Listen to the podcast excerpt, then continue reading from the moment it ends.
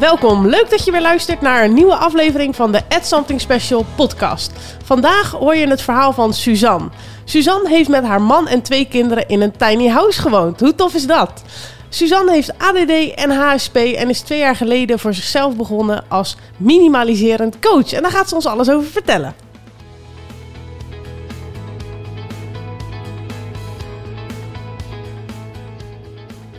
Suzanne, welkom in de podcast. Ja, dankjewel. Bedankt voor de uitnodiging. Leuk dat je er bent. Ehm, best ook wel op, eh, op verzoek van veel luisteraars die eh, mij regelmatig de vraag stellen: Carola, help, wat moet ik met mijn huishouden?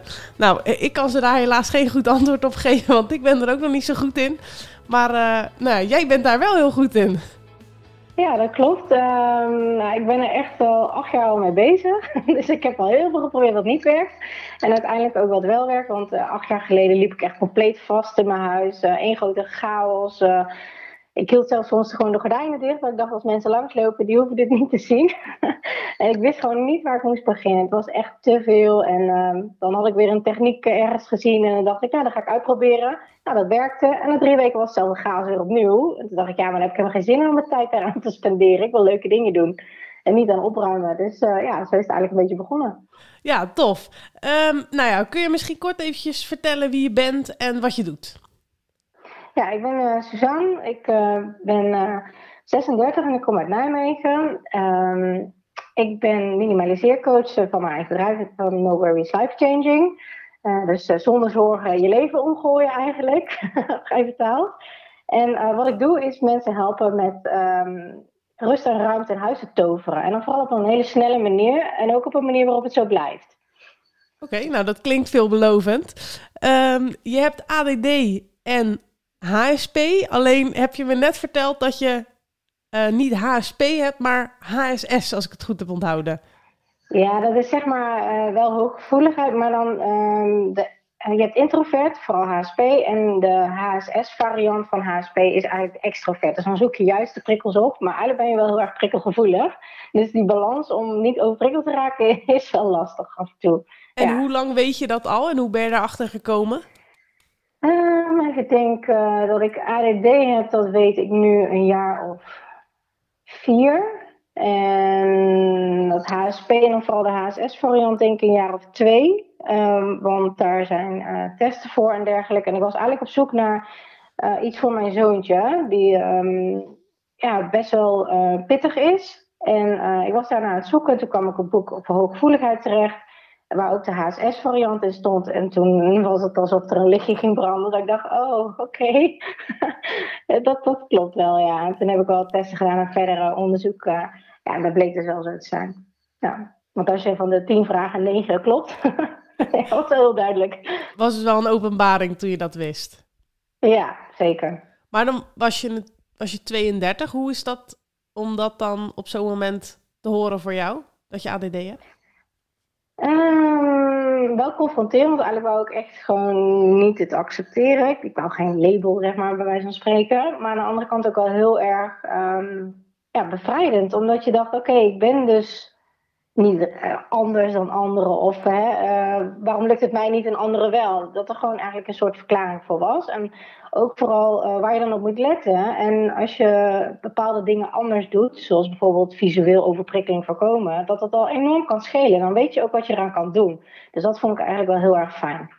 Ja, ja dat hoor ik inderdaad ook wel vaker terug. Uh, naar je avonturen, zo kan ik het eigenlijk wel noemen. Um, ja. Je hebt gebackpackt met handbagage, althans met, en met twee kinderen. Ho hoe ja, doe je klopt. dat? ja, hoe doe je dat? Hoe doe je dat? Nou ja, ik ben dus acht jaar geleden begonnen met de zoektocht naar meer rust en ruimte in huis. En uiteindelijk toen uh, um, kreeg ik kinderen. Nou, toen werd de chaos helemaal compleet. Want ja, alle kleuren, speelgoed, ruimt niks op. Overal ligt alles. Nou, dat was echt uh, op en top overprikkeling. En toen kwam ik uit het minimalisme. En toen dacht ik, hé, hey, dit, dit, lijkt me wel heel erg interessant. Dat ben ik gaan proberen. En toen ben ik echt helemaal vol erin gedoken. En um, uh, om het voor mezelf makkelijker te krijgen... En toen uh, kwam ik natuurlijk ook uit op dingen met reizen. En ik ben sowieso reisverslaafd. En uh, wij gingen dus op wereldreis. En zei ik tegen mijn man van ja, dat wil ik gewoon met de handbagage doen. Want het is uh, veel makkelijker met twee kleine kinderen. mijn zoontje was toen bijna twee en mijn dochter drieënhalf. En dan heb je je handen al vol. En dat wil je niet om met koffers moeten slepen. Vaak moet je ook nog bijbetalen voor koffers. En uh, koffers raken kwijt. Nou ja, we ringen de wereld over. Dus ja, de kans dat je koffer kwijtraakt is best groot. En uh, ja, daardoor, daarvoor heb ik echt gekozen om met handbagage te reizen. En ja, mijn man was in het begin niet zo heel erg enthousiast. maar toen we het eenmaal gingen proberen, en ik zei: Joh, wat is het ergste wat er kan gebeuren? Je kan altijd nog daar een koffer kopen. Je hebt een creditcard mee. Hè, dan, dan kun je altijd dat weer gaan inchecken. En toen zei Nou, dat is goed. Dus hij had zeg maar een soort plan B. Als het niet beviel. En ja, hij was degene die eigenlijk het meest enthousiast was over alles. Um, hij, zag wel dat het echt vrijheid gaf. We hoefden niet meer te wachten bij de bagageband als je geland was. Ja, na een vlucht van 11 uur met twee kleine kinderen, dan wil je dat ook echt niet. Ja, we hadden altijd alles bij ons. En we konden uh, tuk-tuks pakken, taxis, alles. Als je vier grote koffers hebt, dan past dat niet. En nu wel. Dus ja, ik vond echt, uh, echt nog meer vrijheid dan dat ik eigenlijk al hoopte. En ja, we hadden meer dan genoeg bij. Dat was echt, ja, echt gewoon super top. Nou, nu heb ik uh, zelf geen kinderen, dus ik, maar ik kan me voorstellen dat mensen die luisteren en wel kinderen hebben, die het dus gewend zijn om inderdaad gewoon echt alles mee te nemen. Als ik me daar een voorstelling bij maak, dan, dan denk ik al snel aan voeding, speeltjes, dekens. ik heb geen idee wat je allemaal inpakt voor kleine kinderen, maar ik kan me voorstellen dat dat een heleboel is. Hoe, hoe heb jij dat gedaan? Wat heb je zeg maar geskipt waardoor je niet zulke grote koffers nodig had? Mm. Nou ja, eigenlijk om, om nog erbij te vertellen, ik ben drie jaar daarvoor, uh, voordat ik uh, kinderen had, ben ik drie maanden alleen gaan backpacken. En toen had ik zelf een hele grote backpack mee, die ik in moest checken, van 18 kilo. Dus eigenlijk kan iedereen uh, met kinderen, zonder kinderen, want dat geeft gewoon super veel vrijheid. Maar voor met kinderen erbij, ja, wat skip je nou eigenlijk? Eigenlijk ga je altijd helemaal terug naar de basis. Wat heb je nodig? Hoeveel dagen ga je? Um, hoe vaak per week wil je wassen? Kijk, als jij onder drie dagen was, heb je eigenlijk maar vier sets nodig. Of drie. Want als het weer schoon is, dan kan je eraan. Weet je, op die manier. Um, ook bepaalde manieren van uh, inpakken, bepaalde technieken gebruiken. Um, kleine verpakkingen, bijvoorbeeld geen handdoek meenemen, maar een hydrofiele doek. Dus die zijn veel dunner, veel sneller droog en die kan je veel kleiner opvouwen. nou ja, dat soort dingen allemaal uh, heb ik daarvoor gedaan. Daar heb ik ook een, eh, een masterclass voor ontwikkeld. Uh, reizen met handbagage, die is aankomende maand. daar, daar, vertel ik echt alles erin, wat ik doe, wat ik meeneem, de paklijst, hoe je het dan inpakt, hoe je het zo klein mogelijk meekrijgt. Nou, dat soort dingen allemaal. Ja. ja, nou, dat is wel echt interessant. Dus mensen, als, jullie op vakantie gaan en je wil alleen handbagage, dan weet je waar je moet zijn. Uh, ik vind het een hele uitdaging, maar wel echt heel erg uh, tof dat het jou gelukt is. En toen ja, had je... Ook weekendjes weg. Ook weekendjes weg. weg. Of nachtjes weg, kan ook. Ja. en toen uh, was je terug in Nederland en dacht je, laten we het volgende avontuur beginnen, een tiny house. Ja, ja, dat klopt. Dat kwam eigenlijk zo. We kwamen terug van de wereldreis. Toen hadden we een huurhuis en die was iets van 120 vierkante meter. Maar ja, als je vijf maanden op twee persoonskamers hebt geleefd, dan is dat echt een mega overgang. En uh, ik vond het ook saai en te grote kamers waren te groot, niet gezellig. Dus toen hebben we besloten om een kleiner huis te kopen. Dat was iets van 90 vierkante meter, denk ik, of 80 vierkante meter. En ook daar waren de ruimtes niet praktisch genoeg ingedeeld. Ik bedoel, wat doe je nou met je gang? Dat zijn eigenlijk loze vierkante meters. En die waren we dus aan het opknappen. En toen, um, twee maanden tot wij dat uh, aan het opknappen waren, toen kreeg mijn moeder te horen dat ze longkanker had. En toen dachten we, wow, oké, okay, uh, ze nog maar een jaar te leven. En toen dachten we, wij gaan dit huis, in vijf jaar willen we dat versneld aflossen om vrijheid te creëren om weer te gaan reizen. Lange reis te maken. Maar misschien heb je helemaal geen vijf jaar meer. We willen nu leven. Nou, hoe doe je dat? Dus ook door je lasten te verlagen. En uh, toen kwam het idee van tiny house. Want een tiny house, dat is gewoon um, ja, ook financieel gewoon veel goedkoper. En ja, we, hadden, we wisten door de wereldreis dat we met heel weinig al heel veel hadden. Less is much more, zeg maar. Dus toen hebben we de, ja, de knoop doorgehakt, hebben we het huis weer te koop gezet. En um, toen zijn we een tiny house uh, ja, laten bouwen. En uh, ja, dat was echt gewoon geweldig. Super fijn wonen. En ja, alles zat erin, eigenlijk veel meer dan dat. Heel dus, tof. Uh, ja. Ja, heel gaaf. En viel heel erg goed. En ehm, met je eigen bedrijf eh, heb je ook een aantal uh, methodes ontwikkeld. Uh, daarvan, ik snap dat je daar niet te veel over kan uitweiden in een korte tijd. Maar er staan wel een aantal dingen op die mij wel, um, nou ja, triggeren, zeg maar. de eerste methode die je hebt staan is je huis visiteproef maken in 10 minuten. Ja, klopt. Neem ons daar eens in mee. Nou, dat kwam eigenlijk ook voort uit ja, mijn huis was altijd een enorme chaos. En dan belde een vriendin op van, joh, ik ben in de buurt, heb je zin om koffie te drinken? En toen dacht ik, ja, dat wil ik wel, maar niet hier. Dat kan echt niet. Nee. ik krijg dat echt niet binnen 10 minuten opgeruimd. En door eigenlijk alle ervaring die ik heb opgedaan, en ook tijdens de wereldreis zijn we in Japan geweest. En daar heb ik zoveel gezien wat ze, hoe ze kunnen toveren met ruimtes. Dat ik technieken ben gaan verzinnen en um, ook gebruik ben gaan maken van uh, je brein. Dus hoe je brein werkt, uh, hoe je prikkels ervaart, uh, hoe je dat kan beïnvloeden zeg maar, soort tovertrucs. En die heb ik helemaal, um, ja, hoe moet ik dat zeggen, gefilterd op bepaalde technieken, waardoor je ook je huis binnen 10 minuten visiteproef kan maken. Dus dat als je gebeld wordt en je huis is chaos, dat je tegen je vriendin gewoon zeggen, ja, dat is goed hoor, over 10 minuten ben ik er, of over 10 minuten kan wel. En dan, uh, ja, dan, dan zet je bepaalde technieken in, onder andere de tovertastechniek. En dan kan je gewoon binnen 10 minuten juist gewoon visiteproef maken. Dus met andere woorden, je vriendin komt binnen en die denkt dat het helemaal opgeruimd is. Maar eigenlijk heb je een trucje uitgehaald. En wat is dan die tovertas waar je het over hebt? ja, die tovertas die staat op mijn uh, Instagram-account. Ehm, daar staat hij helemaal uitgeschreven hoe dat dan werkt. Um, eigenlijk moet je het vergelijken met uh, een tovertruc van een goochelaar met een muntje. Dat ken je wel, hè? Dat, ze hebben een uh, centje en dan ineens toveren ze het weg en halen ze het achter je oor weer tevoorschijn.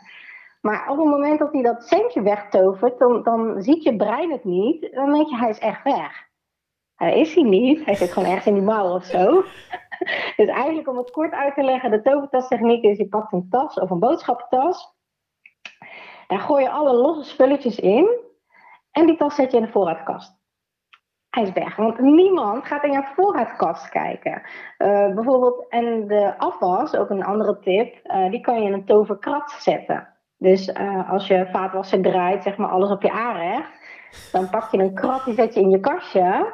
En dan zet je alle vuile vaten in en je doet je kastje dicht. En dan lijkt het opgeruimd. Of zelfs, ik heb zelfs mensen gesproken die zetten het in de oven of in de wasmachine.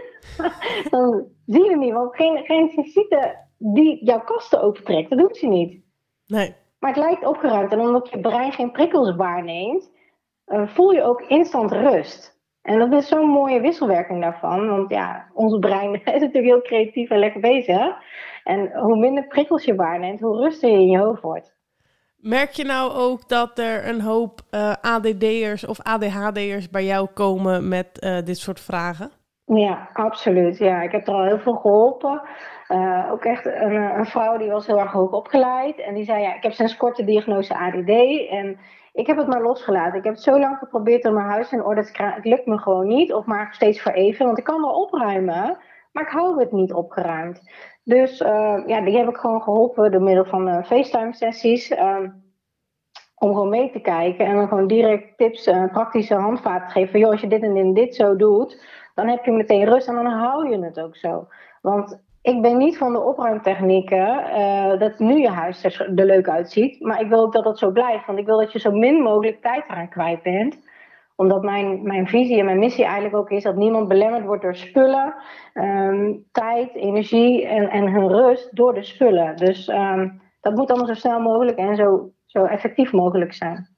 Ja, want dan komen we inderdaad gelijk bij het volgende punt waar je het net over hebt. Uh, ontspullen uh, of ook wel ja. minimaliseren. Um, Waarin uh, kan je nou het snelst daarin stappen maken? Want ik kan me voorstellen, als er mensen luisteren die hier nog niet echt mee bezig zijn geweest en toch wel het idee hebben, daar wil ik gewoon een eerste stap in maken. Wat zou je dan adviseren waar je het eerst en het makkelijkst mee kan ontspullen? Zijn dat kleren? Zijn dat, uh, is dat je servies? Is dat je voorraadkast? Wat, wat, uh, wat zou je dan adviseren? Um, ik zal allereerst met de grote objecten beginnen, zodat je heel snel uh, volumevermindering hebt. Dus je kan je voorstellen, een pen in een ruimte heeft nog niet zo heel veel visueel effect. Maar een grote stoel bijvoorbeeld wel.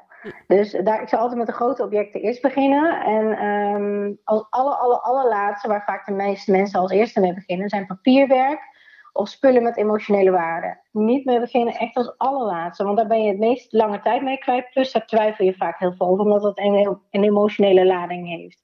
Dus um, kleding zou ik ook niet mee beginnen. Um, ik zou echt met decoratie beginnen.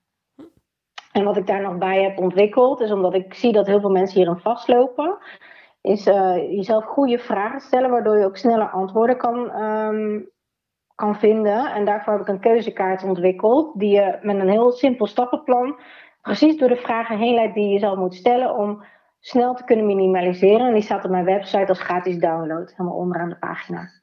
Nou, ga ik ook wel eventjes linken. Dus uh, als mensen inderdaad die keuzekaart uh, willen zien, dan, uh, dan kunnen ze daar een kijkje op nemen. en dan verder, we hadden het net al eventjes over kleding.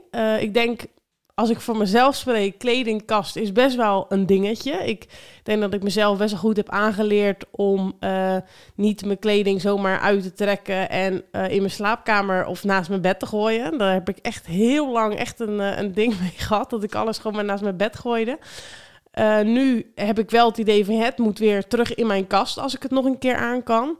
Maar um, ja, dat gaat dan niet zo geordend als hoe uh, de was zeg maar opgevouwen netjes de kast ingaat als het uit de wasmachine komt.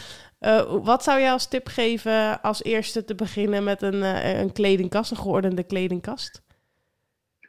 Um, ja, wat eigenlijk voor mij heel goed helpt, ik heb uiteindelijk helemaal een capsule wardrobe gemaakt. En dat houdt in dat je echt gewoon het minimale hebt. Dus ongeveer 33 kledingstukken. Die je heel veel met elkaar kan combineren. Want dan maakt je keuzestress ook een stuk minder. Plus je hebt veel meer overzicht, omdat je het sneller kan zien wat je hebt. Um, daarnaast, uh, even denken hoor. Vaak hangen de. Ja, minimaliseren is belangrijk. Dat je echt door je kast heen gaat en kijkt wat, wat trek je nog aan wat niet, uh, wat heb ik al een jaar niet aangehad. Hè? Op die manier dat je echt alleen nog maar in je kast hebt liggen en ook in je hele huis. Het is voor mij heel belangrijk dat je drie dingen altijd uh, in je achterhoofd houdt. Dat is dat je er blij van wordt, dat je het gebruikt of dat het nuttig is. Kijk, ik vind een regenjas niet per definitie heel erg leuk. Ik word er niet heel blij van, maar het is wel heel nuttig. Als het echt uh, stortregent en wij wandelen in het bos, weet je, op die manier. Um, dus die drie dingen, als je daaraan houdt, dan, uh, dan, dan heb je al een eerste stap zeg maar, gemaakt in je kledingkast. En daarna is het een kwestie van technieken toepassen om het ook zo te houden. Want dat was iets waar ik altijd tegenaan liep in mijn kledingkast. Ja, ik had snel haast of ik moest weg of hè, ik ging naar mijn werk. En ik trok er iets uit en heel die stapel kieperde om. Ja, geen zin om dat weer opnieuw op te vouwen. Dus dat was zo drie weken. En op een gegeven moment vind je echt niks meer. Want ik krijg ook heel veel prikkels van, want alles ligt door elkaar. En... Uh, dus er zijn echt wel bepaalde technieken die je daarin kan toepassen om het ook zo te houden. Ja, duidelijk. Ja, en um, ja, wat het belangrijkste eigenlijk is met stapels, daar kan ik wel een tip voor geven, is om alles in bakken te zetten of in lades. En dan in plaats van een stapel op te stapelen, uh, rechtop te zetten achter elkaar. Achter elkaar, ja. ja. En dan in de bak. Want als je het in de bak houdt, dan heb je ook een maximum volume die je eraan zet. Um, en dan uh, begrens je het ook, zeg maar. Dan valt het niet om en ja, blijft het ook op die plek staan. Ja, duidelijk. Dus dat werkt heel goed. Ja. Ik had een, uh, op Instagram had ik een uh, vragensticker geplaatst. dat wat luisteraars wat vragen kunnen stellen. Nou, ik heb er een paar uitgevist die ik aan jou ga vragen. Misschien wel duidelijk om eventjes bij te zeggen ja, in deze aflevering kunnen we natuurlijk niet te veel uitweiden. Maar uh, misschien is het leuk als je gewoon één praktische tip geeft over een vraag uh, die ik stel. Ja. Uh, dan beginnen we met een vraag. Orde maken, oké. Okay, maar hoe houd ik het ook zo? Nou, wat het belangrijkste is, wat ik heb geleerd en wat ik bij heel veel klanten nou toepas, is je moet een systeem gaan neerzetten. Eén goed systeem neerzetten, daar heb je de rest van je leven gewoon profijt van. Want dan uh, kan je veel sneller opruimen. Je opruimtijd is veel korter. En als je gewoon steeds een beetje opruimt, dan kan je eeuwig bezig blijven. Dat is gewoon zonde van je tijd. Want als je 80 bent en je kijkt terug, denk je echt niet aan al die keren dat je hebt opgeruimd. Nee. dus het gewoon, ja, mijn tip is daarin echt zet een goed systeem neer. Een praktisch werkend systeem volgens de wet van de minste weerstand. Zodat dat het meeste slagingskansen heeft. En dan hou je het ook zo op die manier. Ja, duidelijk. Uh, dan een vraag van iemand die, denk ik, kindjes heeft. heb je een tip voor overprikkeling van ouders met kinderen in een huis? Ik kan me voorstellen dat inderdaad kinderen in een huis, hè, je zei het net zelf al, met speelgoed en, en dingen om je heen, dat je daar als ouders uh, best wel overprikkeld van kan raken. Heb je daar een tip voor? Ja, enorm. Uh, even kijken, wat helpt is de tovertastechniek die ik eerder al uh, uitgelegd heb. S'avonds alles in die tas gooien. Laat je kinderen ook niet opruimen, want dat zijn zelfs veel te moe voor. Dus ze kunnen wel allemaal in zijn tas kiepen, of je doet het zelf en je zet hem weg. Zodra, zodra je die, al die kleuren niet ziet, heb je ook veel meer rust. En uh, gebruik in de woonkamer, zeg maar als je een kinderhoekje hebt, uh, dichte bakken, dichte manden, alles wat je dicht kan maken, want dan heb je uh, veel meer visueel rust. Ja, ja dat klinkt wel heel logisch. dan een vraag van iemand hoe te beginnen aan het opruimen van mijn huis. Ik denk dat ik daar ook wel heel veel last van heb. Dat ik, als het echt te erg is voor mijn gevoel, dat ik echt gewoon op de bank kan zitten en gewoon daarna kan kijken en gewoon echt geen idee hebben waar ik begin. Vooral als ik weet dat het dus boven een bende is en beneden. Dat ik echt denk van oké, en nu? Hoe zou je een, een handvat hebben om ja, te beginnen bij het begin, zou ik maar zeggen? Um, ik zou beginnen in de ruimte waar je het meeste verblijft. Dus um, als jij heel veel in de woonkamer doorbrengt, uh, probeer die als eerste aan, uh, helemaal aan te pakken, want daar ga je het meeste effect merken.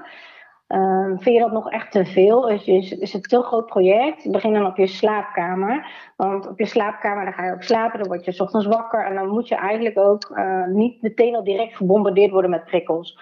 Dus als je die kamer rustig krijgt, dan is dat het belangrijkste. Ik heb een uh, online training heb ik, uh, ontworpen en daar leg ik eerst de technieken uit. En daarna neem ik je stap voor stap mee per ruimte.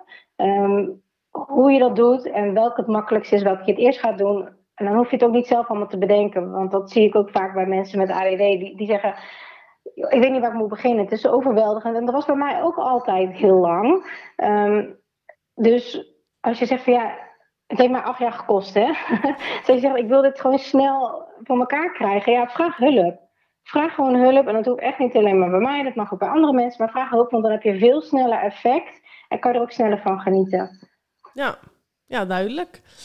Uh, dan een vraag waar ik me ook wel een beetje in herken. Um, het is eigenlijk meer een, een uitleg, maar ik zal kort proberen te samen, samen te vatten. Dat als je thuis komt, bijvoorbeeld uit je werk, dat je dan vaak afgeleid wordt, omdat je dan weer of naar een volgende afspraak moet, of je moet weer eens iets doen. En dat je dan binnenkomt en dat je dan eigenlijk alles soort van neergooit tussen boodschappen, rugtas, sleutels, zonnebril, dat soort dingen. En dat dan eigenlijk meteen alweer je huis een troep is, omdat misschien de spullen ook gewoon niet echt een vaste plek hebben. Ja, klopt. En dat is precies uh, wat ik eerder al aangaf. Dat heeft echt te maken met een uh, werkend, praktisch systeem. Volgens de wet van de minste weerstand. Want als jij je huis inricht met bepaalde uh, systemen, dan heb je daar al een plek voor die super makkelijk te bereiken is. Bijvoorbeeld je sleutels, gewoon iets heel simpels. Stel, je hebt een sleutelkastje bij de voordeur, maar je komt altijd via de bijkeuken achter binnen dan ga je echt niet helemaal naar de voordeur lopen om daar je sleutels netjes neer te hangen. Dus dan is het handig om bijvoorbeeld bij de bijkeuken achterdeur een, een bakje te zetten, het liefst met een deksel, zodat je niet al die sleutels ziet, um, zodat je meteen erin kan gooien. Of voor mij part ergens waar voor jou makkelijk is. Um, dus zorg ervoor dat je een plek hebt volgens de wet van de minste weerstand. Kijk, als jij Um, bij die, bij die uh, ik denk wel, bij de achterdeur, om hetzelfde voorbeeld te pakken, ook een, een krat eronder zet, met een deksel weer. En ja, kiep daar al je, je tas in en je schoenen en weet ik veel. Maakt niet uit, want als die deksel dicht zit, dan lijkt het alsof het opgeruimd is. En dan heb je toch je vaste plek, want je weet, oké, die spullen liggen daar. Ja, nou, dat klinkt wel, uh, wel goed. Er staat ook in mijn vragenlijstje, wanneer ga je de vaatwasser uitruimen? Die was van mijn eigen vent. Die stond inderdaad al anderhalve dag uh, netjes uh, een schone vaat op mij te wachten. En, uh, dat, maar dat heeft volgens mij niks met dit te maken. Dat is gewoon uitstelgedrag. Ja, ja, maar dat herken ik ook wel hoor. En daar is ook die, die toverkrat soms wel handig voor. Dan denk je, ja, nu even niet hoor. Dan zet je al je vaat in die, die toverkrat en dan is het toch je aardig leeg. en dan doe je het wanneer je er wel energie voor hebt. Of wanneer je er wel tijd voor hebt. Wanneer je er wel zin, zin in hebt. En wat ook altijd helpt, vind ik met de was en met de afwasmachine. Een podcast luisteren, zoals van jou. of uh, muziek. Waardoor je een beetje afgeleid wordt en automatisch toch iets leuks aan het doen bent tijdens iets wat je eigenlijk niet zo leuk vindt dat werkt ook heel goed tegen uitstelgedrag. Ja, herken ik ook wel. Voor, voor mij uh, heb ik ook altijd wel. Uh, ik bel enorm veel met mijn zus. En uh, dan heb ik inderdaad gewoon draadloze oortjes. En dan uh, ga ik gewoon met haar bellen. En dan gaan we eigenlijk allebei vanzelf. Want ik hou niet echt van stilzitten en bellen, zeg maar. Dat ik dan inderdaad tijdens zo'n telefoongesprek. Dan zijn we gewoon een uur aan het bellen. En dan is daarna gewoon echt mijn huis opgeruimd. Dus dat, die ja, afleidtips. Ja, dat dingen. Ja, ja. ja leuk. Supergoed. Uh, iemand was ook nog benieuwd naar uh, of jouw omgeving wel eens kritiek hebt op, heeft op wat jij uh, doet. Dus denk dan inderdaad aan de, nou ja, toch denk ik wel uitzonderlijke dingen, zoals bijvoorbeeld in een tiny house wonen en dus zo geminimaliseerd leven. Ja, absoluut, wel hoor. Um, ja, toen we in een tiny house gingen wonen, zeiden mensen echt van, nou, wat een onzin, waarom ga je dat doen? En wat zielig voor de kinderen. en uh, ja, echt al dat soort dingen. En toen dachten we, ja, leuk, maar dat is wel onze droom. En jullie moeten daar fulltime blijven werken en wij hoeven dat niet meer. De, ja, omdat je gewoon echt gaat minimaliseren in spullen. Je koopt ook veel minder. Je hebt daar ook weer minder geld dan weer voor nodig. Um, dus we hebben dat gewoon gedaan. Ja, het belangrijkste eigenlijk ja, dat je echt je hart volgt. En toen we het eenmaal klaar hadden, zeiden mensen: Oh, het is toch wel ruimer dan wat ik dacht. Oh, wat gaaf. Oh, dat zou ik ook wel fijn vinden. Dus het is echt. Ja, je krijgt zo'n bak kritiek over je heen. En ook met minimaliseren. Mensen zeggen, oh, dan heb je echt niks voor in je huis. Um, maar een grappig voorbeeld hierbij is mijn schoonouders. Die waren daar wel aardig fanatiek in, in dat soort dingen. Totdat wij na onze wereldreis met hun naar Amerika gingen. Voor drie weken. En toen zeiden we, was leuk, maar wij gaan alleen maar met handbagage. En uh, zeiden van, ja, we zouden jullie adviseren om dat ook te doen. Want uh, net die zomer was een vriendin van mij op vakantie geweest. En die was haar koffer kwijtgeraakt. Heeft er anderhalve weken moeten wachten. En toen zeiden ze, nou, dat willen we dan wel proberen. Nou, dat vond ik wel echt super tof. En toen waren ze dus ook op reis met alleen handbagage. En toen zeiden ze, wow, ik heb echt alles bij en ik mis niks en wat fijn. En uh, ja, dat was heel gaaf om dat te zien. Dus ja, kritiek krijgen, maar gewoon doen wat je, ja, je hart volgen. En dan, dan gaan mensen toch zien dat je je passies leeft. En uh, dan zijn ze eigenlijk daarna heel nieuwsgierig van, hoe doe je dat dan? En uh, wil je er mij dan wat meer over vertellen? Of dat soort dingen. Super gaaf om te horen. Echt heel leuk. ja. ja. Uh, de afsluitende vraag die ik eigenlijk altijd aan iedereen stel, omdat ik toch wel altijd op zoek ben naar die uh, positiviteit. Waarin ben je blij dat je ADD hebt en ook dat je met mensen met ADD en ADHD werkt? Um, ja, mensen met ADD hebben gewoon ontzettend veel talenten, zie ik. En um, ik vind het heel fijn om mensen uh, te werken in mijn minimaliseercoaching en vooral ook Um, die hierin vastlopen, omdat ik weet dat het anders kan. En je hoeft er niet in vast te lopen. En als ik dan die transformatie zie en dan die berichten terug zie komen, dat vind ik zo geweldig. Want dan zeggen mensen: Wow, het, lukt me gewoon. En ik kan het zelf nu. Ik heb je hulp niet meer nodig. Ik kan alles nu zelf. En uh, nu heb ik weer tijd voor wat passies. En nu kan ik mijn hobby's verleven. Dus dat, uh, ja, dat creatieve komt weer helemaal naar boven. Want ze hebben gewoon rust in hun huis, dus rust in hun hoofd. En bij mezelf dus eigenlijk ook. Sinds dat ik dit heb ontdekt en minimaliseren, ja, kan ik gewoon doen wat ik wil en wat ik leuk vind. En ja, het creatieve in ADD is vind ik gewoon heel erg gaaf. Je kan heel snel problemen oplossen denken, heel creatief. Um, ja, het is gewoon uh, eigenlijk meer een talent dan, uh, dan dat het lastig is. Ja, heel mooi. Goed om te horen. Uh, afsluitend nog een, een tip voor de luisteraars. Je hebt natuurlijk al heel veel tips gegeven, daar ben ik me van bewust. Maar misschien toch nog iets wat, je, wat je mee wil geven. Ja, het belangrijkste zijn die drie dingen eigenlijk. Dat je alles wat je in je huis hebt, uh, dat je er blij van wordt, uh, dat je het gebruikt of dat het nuttig is. En dan komt de rest vanzelf. Um, ja, en vooral als je vast gaat lopen, vraag hulp. Dat is wel uh, iets, dat is gewoon zonde van je tijd anders. Ja, ik ga nog eventjes een uh, linkje plaatsen naar jouw Instagram-account. No Worries Life Changing. Uh, daar kunnen mensen vast terecht als ze nog vragen aan jou hebben. Absoluut. Mag altijd via DM. Als je een vraag hebt of een voor- en na-foto, vind ik ook altijd superleuk om te zien. En er staan ook heel veel tips op. Dus daar kan je ook zelf ook al mee, mee aan de slag. Ja, en ik zag ook op jouw Instagram pagina net voorbij komen dat je best nog wel wat um, plekjes uh, hebt aankomende maand uh, voor je masterclasses voor 15,15 euro, wat ik dan weer een heel leuk bedrag vind. Uh, kun je hier aan meedoen en nou ja, ik zou zeggen probeer het gewoon eens uit en kijk wat je eruit kan halen. Suzanne, voor nu hartelijk bedankt en misschien gaan we nog wel van je horen. Ja, superleuk. Dankjewel voor de uitnodiging. Joe. Doeg. Doeg.